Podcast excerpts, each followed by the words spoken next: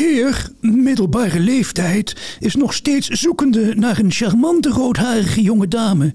Waar blijft gij, roodkopjes?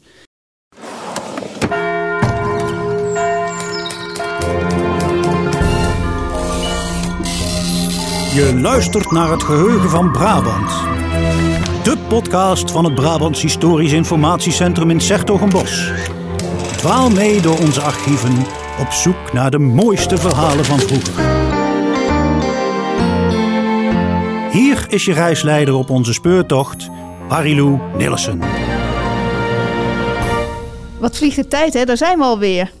Ja, En het leuke is, wij staan hier nu wel met z'n tweeën, maar we merken uit de reacties dat we met meer zijn. En eh, uit de stapel halen we dit keer een onbeschaamde opschepberichtje. en dat hebben we gekregen van Jan van der Ven. Die vonden we te mooi om te laten liggen. Wil jij hem voorlezen, Anton? Zeker. Je zou er bijna van gaan blozen, inderdaad. Want hij schreef: Wat maken jullie een ongelooflijk leuke podcast? Het plezier dat jullie in je werk hebben spat er vanaf. Het is een definitieve afrekening met het beeld van stofjassen tussen stellingen en boekenplanken. Nou, dat, eh, mooier kunnen we het niet krijgen. Dankjewel, Jan. Dat stemt ons zeer gelukkig. En Anton, weet jij trouwens welke dag het vandaag is? Eh, ja, ik was gisteren jarig, dus vandaag is het 14 februari, Valentijnsdag dus. Ja, zeker. En nog gefeliciteerd trouwens. Dankjewel. Ja. En, maar inderdaad, Valentijnsdag. Dus de tijd voor liefde en romantiek. En dat is precies dat je het komend half uur gaat horen. Reken maar op 40 minuten. Maar zoals altijd bijten we het spits af. Met dat ene onderdeel dat meestal losstaat van het thema. En dat is... Ta-ta-da-da. Vondst van de maand. Ja, Margot, Fonds van de Maand. Ja. Waarmee ga je ons deze keer verrassen? Nou, dit keer heb ik een eh, tekening meegenomen. Een, eh, het is een beetje gelige tekening, kleine tekening ook. En eh, we kijken naar een fijne pentekening met zwarte inkt van een romp, een stuk ellebeen en de rechterbovenarm. Je ziet geen hoofd, maar gelukkig ook geen bloed. want dat zou het een beetje eng is- maken. Ja. Ja, het zou zo uit een anatomieboek kunnen komen, maar ik denk niet dat dat het geval is. Je ziet bij die romp kleine lettertjes staan, ook met pentekening. En eh, als je dan in de linkerbovenhoek kijkt, staat er een opsomming. En daar eh, zie je een duiding van de lichaamsdelen. Bijvoorbeeld, ik noem een voorbeeld, eh, H, een stuk van het spaakbeen, I, de twee onderste onware ribben. En zo gaat dat door. En als je dan onder de romp kijkt, dan zie je de, ook in krulletters overblijfsel van het lichaam van den held JCJ van Spijk, zo als hetzelfde in de kist gebalsemd ligt en te aarde besteld. Nou ja, ik denk dat je dan weet over wie het gaat, namelijk over de Nederlandse marineofficier Jan van Spijk. En waar denk jij dan aan? Dan denk ik, dan liever de lucht in. Ja, dat klopt. Die woorden, hè, die Ja. historische woorden. Maar goed, of eh, de commandant deze woorden inderdaad sprak, of dat ze postuum aan hem zijn toegeschreven, is onduidelijk. Feit is wel dat hij na zijn zelfgekozen dood onsterfelijk werd verklaard. Kijk, zijn dood en die van de bemanningsleden hadden eigenlijk geen eh, militaire betekenis, maar wel eh, als propagandawaarde. Die opoffering maakte van hem een echte held eh, en ook een ware cultus. Eh, het kwam, eh, Jan van Spijk kwam echt vaak terug in de vorm van gedichten, schilderijen, boeken, prenten. En dat verklaart misschien eh, waar ik dit stuk gevonden had, namelijk in het Charters Provinciaal Genootschap van Kunst en Wetenschappen, Ja. 1303 tot 1845. Want daarin, in dat archief, vind je een verzameling van kunstzinnige stukken en een bibliotheek met nadruk op de geschiedenis van Brabant. Ah, vandaar. Dat, Ja. deze, dat deze tekening in onze Brabantse archieven verstopt zit eigenlijk. Ja, klopt, klopt. hey, en Jan van Spijk, want dat was geen Brabander, toch? Nee, Jan van Spijk eh, is een echte Amsterdammer. Hij groeit op als wees. Hij wordt opgeleid als kleermaker, maar daar heeft Jantje helemaal geen zin in. Dus hij gaat eh, naar de Koninklijke Marine als hij 18 is. Hij diende in Indië en nam ook deel in 1825 aan de Java-oorlog. En eh, tijdens die periode verwerft hij de bijnaam Schrik der Rovers. Oké, dus hij weet wel wat knokken is. Ja, dat weet hij. En in 1830 eh, komen de zuidelijke Nederlanden in opstand tegen koning Willem I. De koning probeerde de Belgische revolutie neer te slaan en Jan van Spijk gaat dan naar Antwerpen om op te treden tegen de rebellerende Belgen. En die strijd hè, tegen de Belgische revolutie levert hem daarna de militaire Willemsorde op. Maar goed, dan is het 5 februari 1831 en hij krijgt dan de opdracht om naar Oosterweel bij Antwerpen te varen om scheepsladingen te controleren, wat hij vaker moet doen. En het verhaal gaat dat hij door de harde noordwestenwind en een slecht functionerend anker zijn schip, uh, ja, dat dat wegdrijft. Ja. En dan ziet hij plots een menigte rebellerende Belgen op zijn schip, zijn kanonneerboot, afkomen. Nou, Jan van Spijk is meteen naar de kajuit gerend, zogenaamd om zijn papieren te halen. Mhm. En uh, door zijn sigaar in een vat met buskruid te steken, brengt hij zijn eigen boot tot ontploffing in de haven van Antwerpen. Maar voordat hij dat doet, zou hij dus die historische laatste woorden hebben gesproken. Eén infame Brabander worden, dan nog liever de lucht in.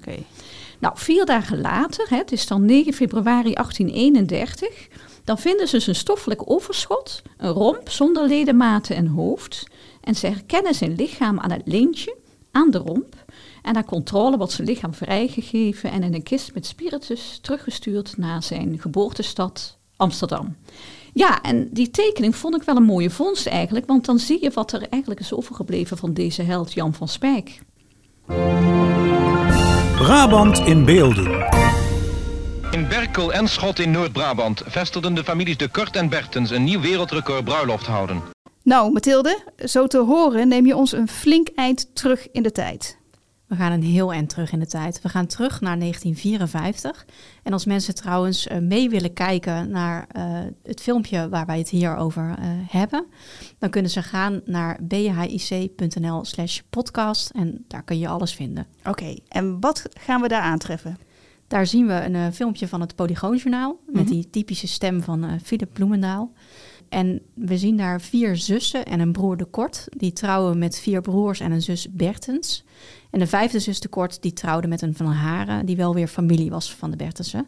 En het speelt zich allemaal af in de regio Oosterwijk, Berkel en Schot. En dat uh, zesvoudige huwelijk, dat is internationaal nieuws uh, in dat jaar. En de radio komt langs van de KRO, er komen bladen langs, de kranten, maar ook het Polygoonjournaal dus. Dat kan me voorstellen dat het groot nieuws is, want we hebben het in totaal over twaalf mensen uh, uit twee families en die trouwen allemaal met elkaar. Dat klinkt ook wel heel bijzonder. Ja, het meest bijzondere daaraan voor ons nu is eigenlijk dat het helemaal niet zo heel bijzonder was. Oh.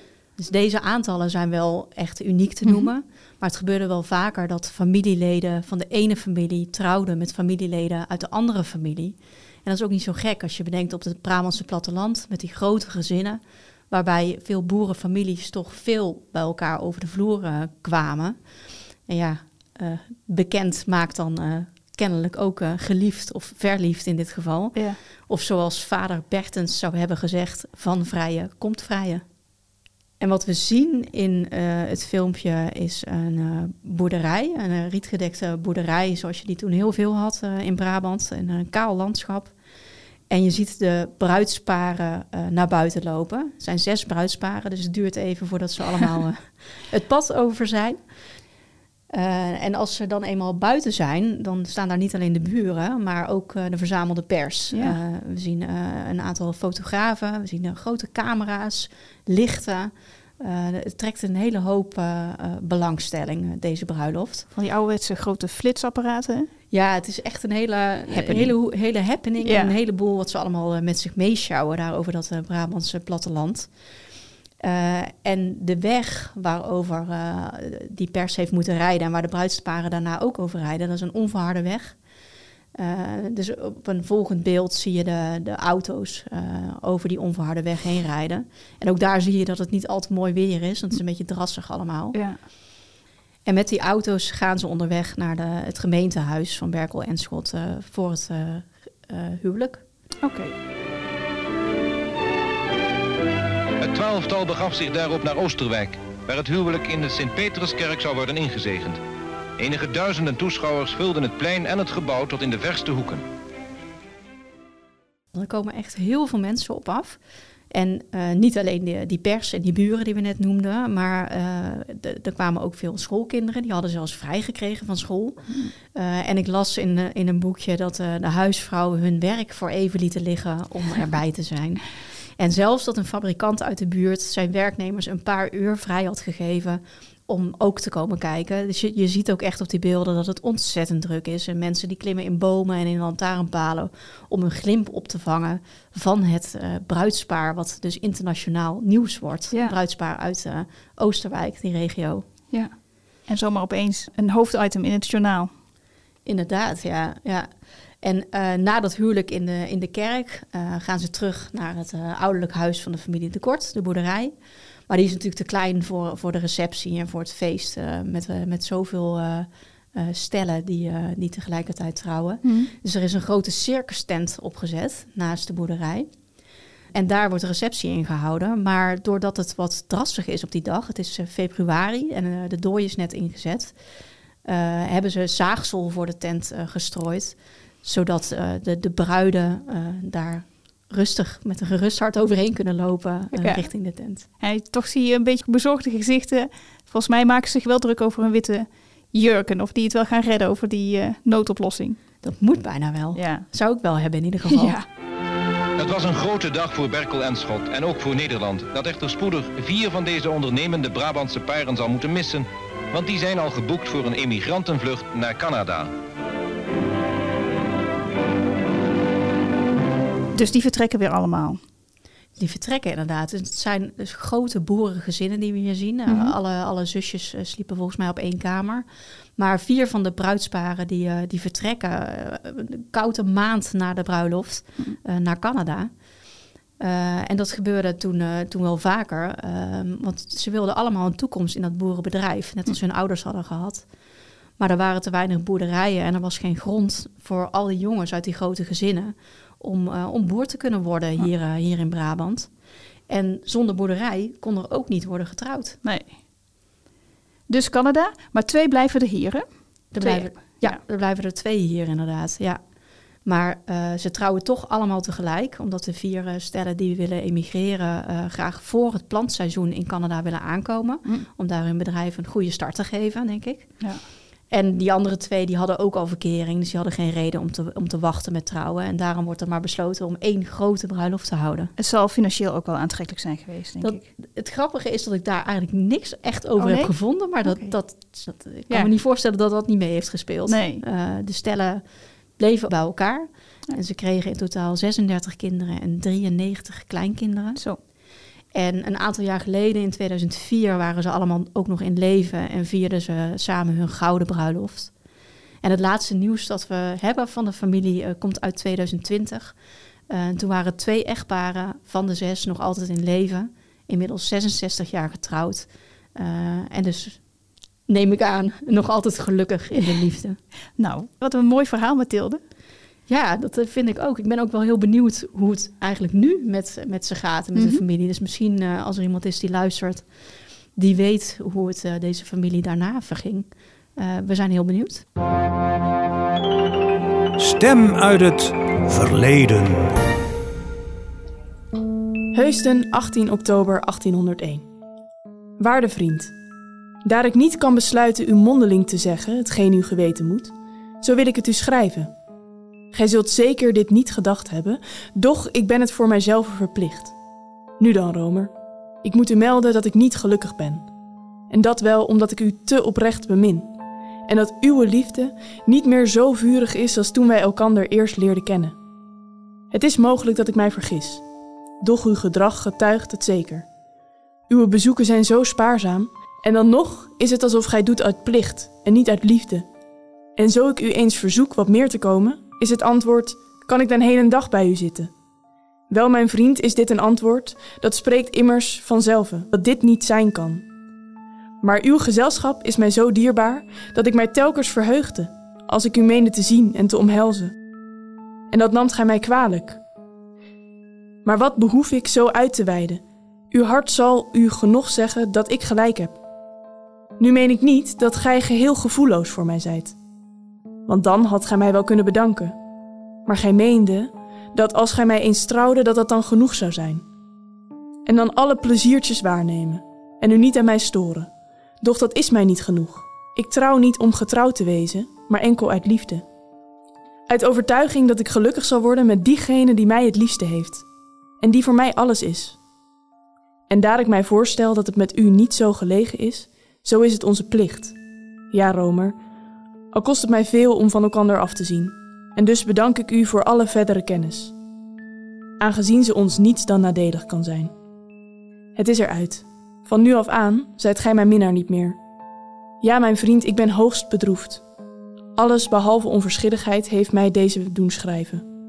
Alleen plicht denkt er niet verkeerd uit. Beschuldig mij niet. God weet mijn gedachten en die zal mij troosten. Dag Romer. Leeft gelukkig, wenst uw vriendin. C.H. de Kok. PS, ik verzoek mijn silhouet terug. Ik zal het uwe dan ook bezorgen. Je luisterde naar een brief van ene mevrouw C.H. de Kok, waarin ze haar vriend Romer de bons geeft. We weten alleen niet zo goed wie deze juffrouw is geweest. Haar brief duikt losjes op in het archief van familie Walter uit Graven. Deze Graafse familie heeft wel weer een link naar de Romer die hier wordt afgewezen, want dat moet Cornelis Romer uit Heusden zijn, die ongeveer tien jaar later trouwt in Den Bosch. Met een ander inderdaad. Wat we trouwens wel zeker weten, het is Jikke Schepers van de Koningstheateracademie die juffrouw de Kok een stem geeft. Zo dadelijk hoor je meer over hoe het verder gaat met het onderzoek naar Marietje Kessels. Maar nu eerst gaan we naar... Op het podium. Huwelijk. Vader en zoon willen kennismaking met twee nette dames, leeftijd 40 tot 50 jaar, 20 tot 25 jaar, brieven franco met foto's, welke op erewoord teruggezonden worden onder nummer 289 Bureau Dezes. Wetenschapsjournalist en redacteur bij de Quest, maar vooral de Dr. Love van Twitter en Instagram, Bart Gra. Want jij bent de man achter de Tinder van de vorige eeuw, Liefde van Toen. Vertel ons eens, wat, wat is dat precies? Nou, een aantal jaar geleden ben ik een uh, Instagram-pagina begonnen. Uh, om daar, uh, waarop ik liefdesadvertenties uit oude kranten plaats. Uit kranten van pakweg 100 jaar geleden, in ieder geval van voor de Tweede Wereldoorlog. -huh. Die ben ik tegengekomen toen ik voor mijn werk geschiedenisverhalen schreef. Ik ben in die oude kranten gaan bladeren en in een ooghoek zag ik op een dag zo'n mysterieus oproepje.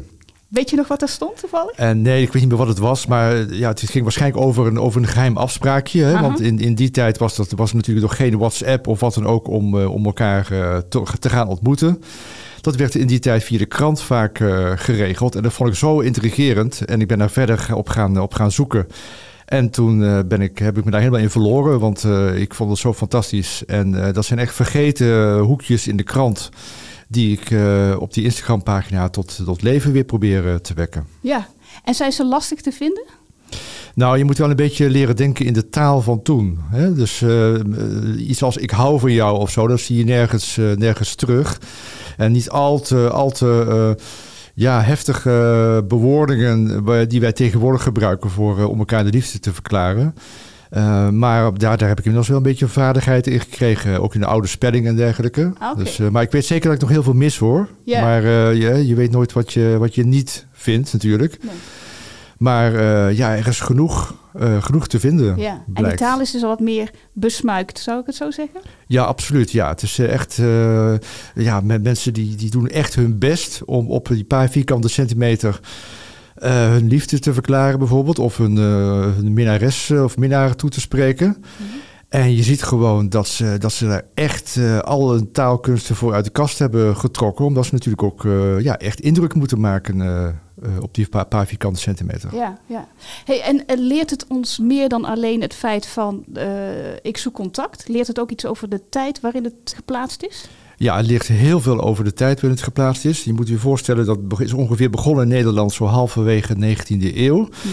Toen uh, gebeurden er nog twee andere dingen, namelijk uh, de, de, transportmiddelen die kwamen op. Hè, de trein, de fiets, de auto, noem maar op. Uh, waardoor het veel makkelijker werd om, om, om, ja, om iemand uit het dorp verderop te, gaan, te gaan vinden.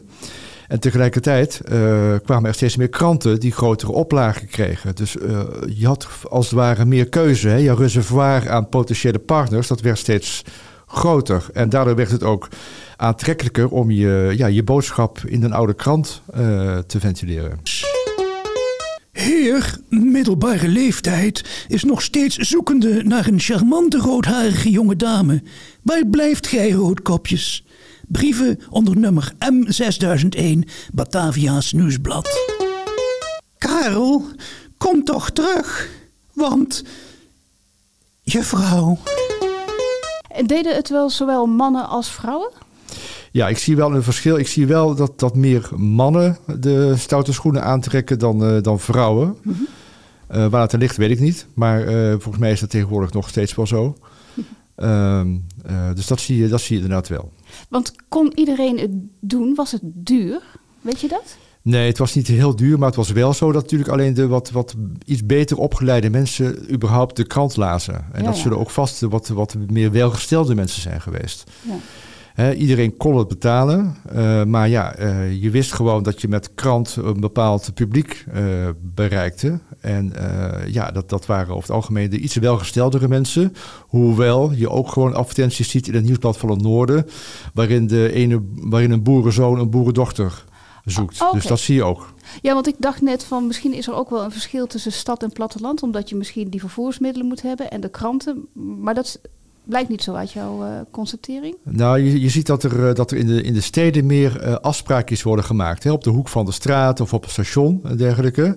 Eh, en dat er op het platteland, dat er dan meer gewoon ja, als een soort huwelijksadvertentie iemand werd gezocht. Hè, eh, eh, boerenzoon met een bepaald inkomen zocht een boerendochter met een bepaald inkomen. En dan werd er wat minder geregeld van, nou dan zie ik jou daar en daar bij dat restaurant.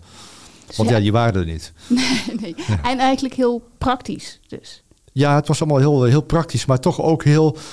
Eh, ja, je, je wordt heel erg eh, getriggerd door de boodschap die erachter zit. Hè. Soms dan hoor je gewoon, dan, dan, dan lees je. eh, ja, dat er iets aan vooraf is gegaan aan dat afspraakje. Dat er een soort crisis is in, in, in, een, in, een, in een relatie of in een, hè, in een hele prille relatie eigenlijk. En dan is het altijd heel eh, frustrerend, maar ook wel weer uitdagend om te bedenken wat dat dan zou kunnen zijn geweest. Want het zijn altijd per definitie anonieme advertenties. Ja. Hè, er staat nooit een voor- en een achternaam eh, bij. Eh, dus je kunt alleen maar raden wat eraan vooraf is gegaan en hoe het is afgelopen. Ook dat weet je niet. Nee. En Dus je krijgt als het ware een heel intiem inkijkje in het leven van, van, van iemand op een heel kritiek moment in zijn leven. Hè? Want Ja. het gaat vaak, ja, de, de, de, de liefde komt of de liefde gaat. Hè? Dat is een heel belangrijk moment in je leven. En, eh, en daar krijg je, ja, dat is een beetje de voyeur in mij misschien wel, die dan daar toch heel erg eh, nieuwsgierig naar is. Ja. ja, want mensen zijn op dat moment dan ook heel kwetsbaar in feite. Ja, want eh, ja, als jouw geliefde niet komt, eh, komt opdagen hè, op de moment of de plek dat jij wil, dan is het misschien wel voorbij. En in die tijd kon je gewoon niet even mailen of appen. Dus als jouw afspraakje niet kwam op het eh, station, dan stond jij uren te wachten. En je, je kon niet even bellen van ik ben een uurtje later of ik kom helemaal niet. Nee. Dus daar hebben mensen echt oeverloos op elkaar staan wachten Ja. en smachten. Ja. En dan moest je maar weer de volgende dag een advertentie in de krant plaatsen van... eh, ja, ik stond op je te wachten en waar was je nou? En dan gingen er weer weken voorbij voordat het eh, misschien ooit verder ging. Ja, ja, nou je dat zegt, zo'n advertentie opgeven en dan kijken dat die is geplaatst en eh, of er wordt gereageerd, of diegene dan ook echt opduikt. Denk jij dat de romantiek vroeger meer bewegingsruimte had? Dus dat er meer tijd was voor het grote verlangen dan nu? Ja, ik denk, ik denk het wel. Als je nu, als je nu vergelijkt eh, met Tinder, hè, waar volgens mij is het... Ik ben er nooit geweest hoor, maar volgens mij is het daar zo... als je daar binnen een kwartier niet reageert, dan lig je er alweer uit. En eh, in die tijd, eh, ja, je had gewoon minder keuze hè, van relatiepartners om je heen. Je had in principe gewoon je eigen dorp. En je werd vaak gestuurd door je familie. En je werd gestuurd door je geloof. Hè. Je, je kon niet met twee geloven op één kussen gaan liggen. Dat, dat was gewoon uit een boze. Je moest uit een bepaalde sociale klasse komen. Je moest, de leeftijd moest een beetje kloppen. Dus het aantal mensen dat in aanmerking kwam voor, eh, voor, om een relatie met jou te krijgen... het was gewoon heel klein. En daar moest je dus ook wel echt in investeren. Hè? Je moest ook echt daar je best eh, voor doen. Dat was ook in je, eigen, in je eigen belang, want in die tijd wa- was er ook amper verkeringstijd eh, bijvoorbeeld. Eh, het was wel raadzaam dat je iemand die jou eh, werd opgedrongen als het ware door je familie, dat je die ook wel al een beetje kende. Ja. Want dan wist je een beetje waar je aan toe, eh, aan toe was. Ja. Huwelijk. Een net persoon van buiten. Rooms-katholiek, 43 jaar, weduwnaar met kinderen, vraagt een vrouw of huishoudster om na wederzijds goedvinden te huwen. Brief Franco, letter O43, advertentiebureau Koningsplein 7, Amsterdam. Ik zit te denken, want jij voor je werk zit jij natuurlijk heel veel in eh, oude kranten. Dit is eigenlijk een hele andere manier om te laten zien wat voor een prachtige bron dat eigenlijk is. Ja, maar ik ben ook, heel- heel- ja, zoals zoveel mensen, natuurlijk helemaal fan van, van Delver.nl, hè, waar dus die kranten vandaan eh, komen. En eh, daar staan natuurlijk nog veel meer mooie, mooie dingen in. Ehm, alleen, eh, dit zijn echt gewoon mysteries, kleine mysterietjes. Hè. Dit is echt iets dat, dat na al die jaren prikkelt dat nog steeds de fantasie. En ehm, dat vind ik toch net iets spannender nog dan een, dan een krantenbericht met, eh, met een kop en een staart. En dat en daar is daar en daar gebeurd. Dit, dit zijn mysteries die nooit worden opgelost. En juist daarom zo interessant om in te duiken. Ja, dat is Ja. Vriend gezocht. Een heer, gefortuneerd, zoekt een vriend om samen te wonen en op reis te gaan. Brief nummer 391, bureau van dit blad. Eigenlijk, wat is, wat is WhatsApp eigenlijk saai, hè? Het haalt het veel romantiek uit ons leven. Ja, dat is absoluut. Ja. Ehm, nou, Mark, eh, er ligt hier nog een heel intrigerende advertentie voor ons. En daar weet jij veel meer eh, van. Laten we even lezen wat er staat. Huwelijk. Eh, heer, niet onbemiddeld, ten gevolge van een ongeluk behept met een gebrekkig been, zoekt ernstig gemeende kennismaking met nette jonge dame, om begrijpelijke redenen met zelfde gebrek of afgezet been. De meneer die deze advertentie plaatst, schrijft op een heel bijzondere manier geschiedenis. En niet alleen omdat hij vier keer trouwt, waarvan drie keer met een vrouw met één been. Klopt toch maar? Volgens mij wel, ja. Ja. Nou, wil je meer weten? Ga dan naar bhic.nl slash podcast en klik op bonus. Vandaar praten Mark en ik nu verder over die ene specifieke advertentie. Old case. Cold case. Op woensdagmorgen 22 augustus 1900 gaat de 11-jarige Marietje Kessels een brief posten, dicht bij haar huis. Maar de brief wordt nooit bezorgd en het meisje wordt twee dagen later dood aangetroffen in de nabijgelegen kerk van de Tilburgse wijk Noordhoek. Er volgt een lang strafproces, maar is nooit een dader veroordeeld. En samen met mijn collega Christian duik ik in onze archieven en probeer meer te weten te komen over deze cold case. Vorige keer probeerden we zo dicht mogelijk bij Marietje zelf te komen. We leerden haar kennen als een vriendelijk en vroom meisje dat net als alle andere kinderen soms ook ondeugend was. We gaven zelfs haar foto wat kleur, zodat ze vooral weer even dat onbezorgde meisje leek, los van haar gruwelijke dood. In deze aflevering maken we kennis met haar ouders. En we starten samen de zoektocht naar hun dochter. Chris, waar gaan we beginnen? Eh, nou Mariloet, laten we beginnen met degene die als eerste die dag merkt dat Marietje niet thuis is gekomen. En dat is haar moeder. Rond de klok van ene komt deze Maria Kessels-Krijns, zoals ze heet, terug van boodschappen. En dan vraagt ze het dienstmeisje, Cato van de Zanden, waar Marietje is. Ze denken dat Marietje misschien nog langs haar opa en oma is gegaan. Maar als dat niet zo is, dan slaan ze alarm. Nou, die Maria Krijns die is 36 jaar als Marietje verdwijnt. Oorspronkelijk kwam ze niet uit Tilburg, maar uit Limburg. En samen met haar man, Matthijs, was ze naar Tilburg verhuisd. Uit onze archieven komt een beeld naar voren van een godsvruchtig vrouw... die nou ja, eigenlijk leeft zoals je in die tijd verwachten mag. Hmm, dus veel naar de kerk gaan en veel kinderen baren bedoel je? Ja, daar komt het wel, eh, wel op neer inderdaad. Als we in het bevolkingsregister van Tilburg kijken... dan zie je ook dat ze op dat moment al zes kinderen eh, had gebaard... waarvan vijf meisjes. Marietje had nog één ouder zusje. Op onze website, dat is misschien leuk, zullen we een foto zetten van het hele gezin die we hebben. Maar over de moeder, Maria dus, vinden we lang niet zoveel in de archieven terug als over de vader van Marietje. Hmm, typisch weer. Ja, zeg dat. Die vader, Matthijs Kessels, of vaak op zijn Limburgs ook Mathieu genoemd, is ten tijde van de verdwijning van zijn dochter 42 jaar. En ja, eigenlijk is die Matthijs wel de verpersoonlijking van een geslaagd zakenman aan het begin van de vorige eeuw. Een man met een heldere stem en in de kracht van zijn leven, staat er in een krantenartikel van 1901. En zo leren wij hem eigenlijk ook kennen in de archiefstukken. Terwijl zijn vrouw Maria dus het schoolvoorbeeld is van nou ja, al die huisvrouwen en moeders die onze archieven nooit echt hebben gehaald, vinden we over Matthijs, Mathieu, veel meer terug. Zelfs al over zijn kinderjaren, hè, dat hij bijzonder muzikaal is, dat hij zelfs spijbelt van school om muziekles eh, te krijgen. En dat hij nog maar 15 jaar oud is als hij dirigent wordt van een grote harmonie. Ja, ja, want ik zag ook alles in zijn leven draait om muziek. Hè? Hij, hij woont er zelfs in. De villa waarin de familie Kessels woont heeft als naam Villa Cecilia. Nou, dat is een verwijzing naar de patroonheilige van de muziek- en instrumentenmakers. En Mathieu begint samen met zijn broer een muziekuitgeverij. En in 1897 bouwt hij de fabriek met instrumenten en bladmuziek aan de Industriestraat in Tilburg. Uit alles blijkt dat hij een creatieve man is met een, een goede neus voor zaken. En, en hij ziet ook waar de mogelijkheden liggen. Daarom zet hij zijn zinnen op Tilburg.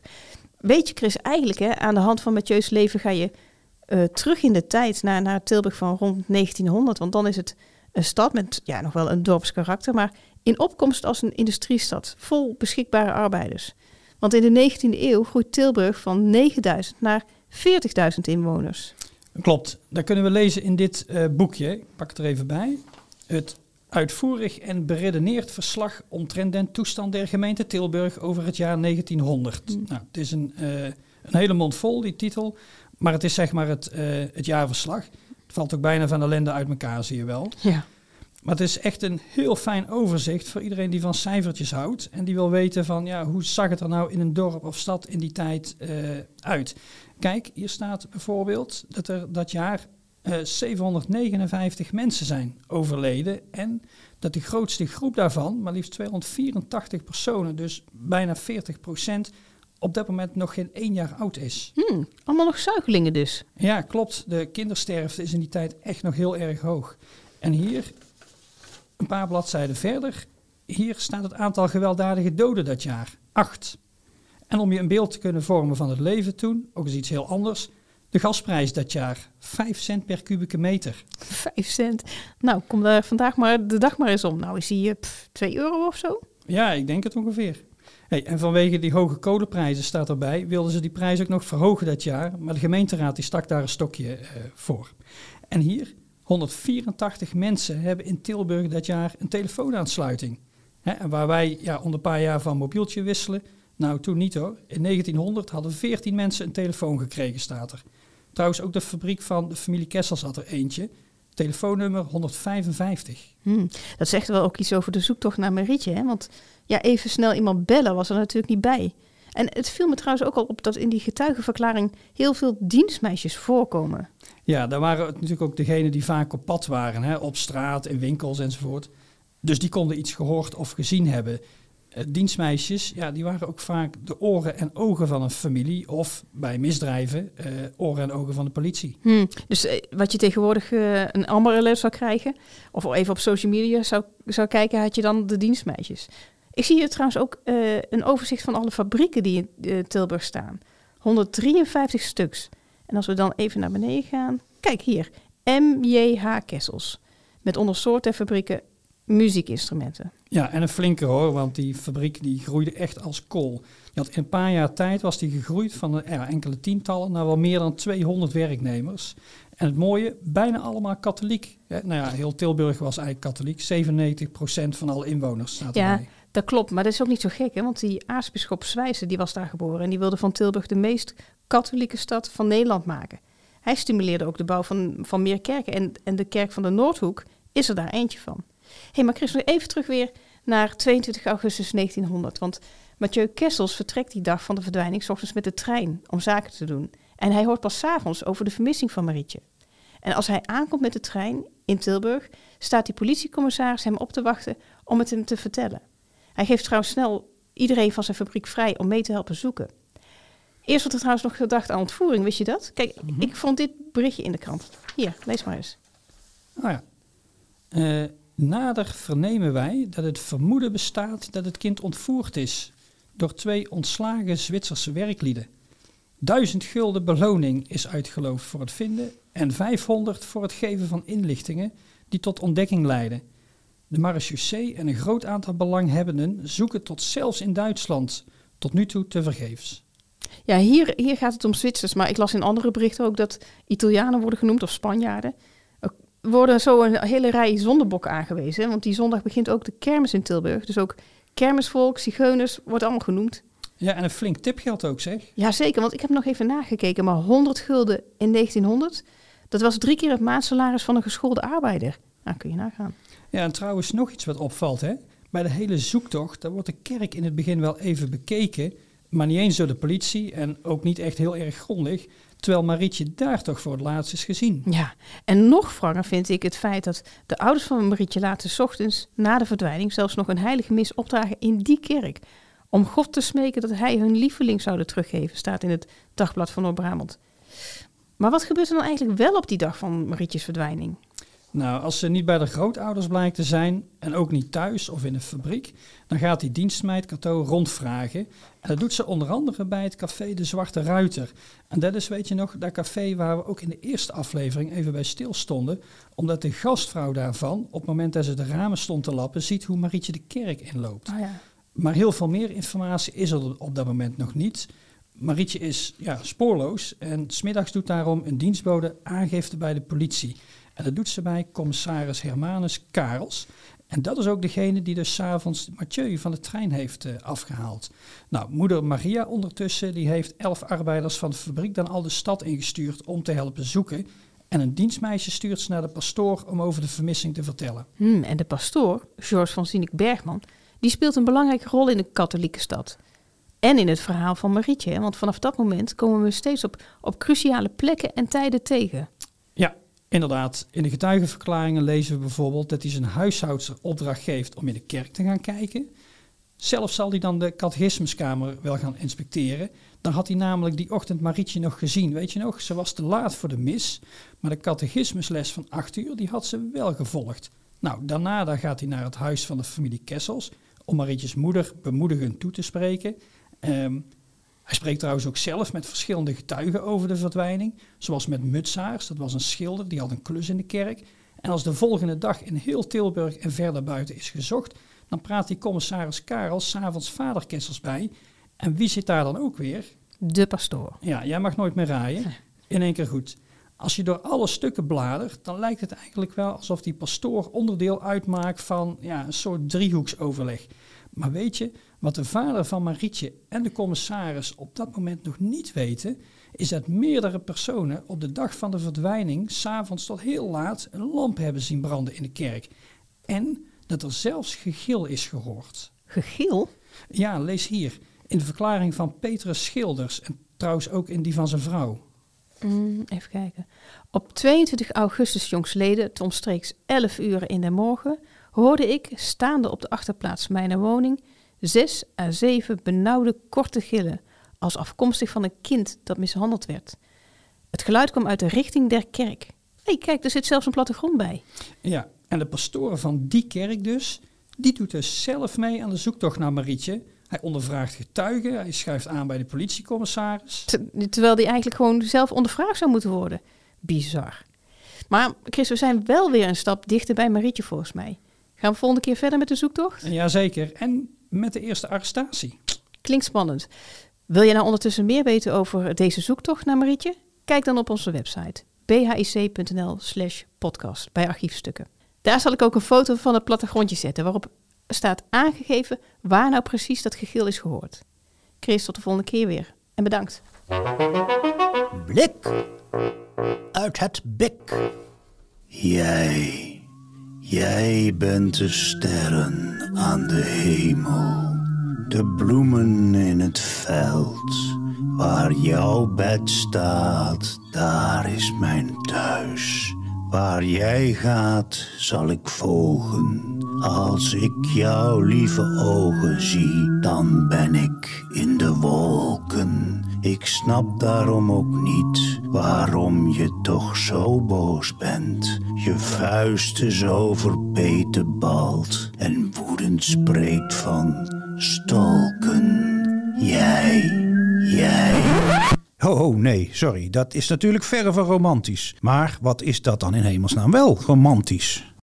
Persoonlijk denk ik eerlijk gezegd vooral aan rode rozen, walmende wolken, mierzoete parfum, boeketreeks, romcoms, all you need is love. Maar de dikke Van Dalen denkt daar toch anders over en geeft het volgende. Zoals men in een roman aantreft, sterk sprekend tot gevoel en verbeelding, niet alledaags, ongewoon, avontuurlijk. Hm. Hoe zit het met spannende liefdesverhalen in de archieven van het BIC? Tja, We hebben hier op de Citadel natuurlijk vooral overheidsarchieven, die nou niet direct bol lijken te staan van de romantiek, maar toch. Als je wat dieper gaat graven, kom je genoeg spannende romantische verhalen tegen, of althans bouwstenen daarvoor. Ze zijn er dus wel, maar je moet er wel wat voor doen om ze te vinden. Neem nu de historie van Anna van Bremt en Peter van Middengaal. Anna, die bij haar grootmoeder in Veghel woonde, was pas 15 jaar oud toen ze zich in 1554, helemaal hotel de botel, verloofde met Peter. Anna's vader was al overleden, maar haar moeder keerde zich fel tegen de verloving, haalde haar dochter weg uit Veghel en sloot haar op op het slotje Avenstein in Dinter. Peter brak met een stel vrienden in op dat kasteeltje, schaakte zijn geliefde, met haren willen en de blijde van herten wezende, en trouwde haar. Tussen Peter en zijn schoonmoeder is het nooit meer goed gekomen. Zij bleef wrok koesteren tegen de man die ze als de ontvoerder van haar dochter zag. Jaren later, in 1560, zag ze haar kans schoon toen Peter langs de A hooi aan het laden was. Met een groep knechten overviel ze hem. Peter werd geslagen, gestoken, beschoten en wist ter nauwernood het vegenlijf te redden door hevig bloedend in de A te springen. Of wat dacht u hiervan? In de eerste helft van de 19e eeuw was vooral in Frankrijk de Casanova femelle, de vrouwelijke Casanova, een begrip. Deze dame publiceerde diverse bestsellers, onder andere Mémoire d'une contemporaine, herinneringen van een tijdgenote. Wat heeft dat met het Bik of met Brabant te maken? Nou, deze schrijfster was in 1776 in Lid geboren als Maria Elzelina Johanna Versveld, dochter van de plaatselijke dominee. Haar deels fictieve, of in ieder geval sterk aangedikte memoires, onder andere over haar relaties met diverse Franse generaals, lezen als een roman. De obsessieve manier waarop ze haar grote geliefde Maarschalk Michel Ney tegen diens wensen in achtervolgde, tot op het slagveld en in het kielzog van de Grande Armée tot in Moskou toe, kun je niet anders zien als stalking avant la lettre.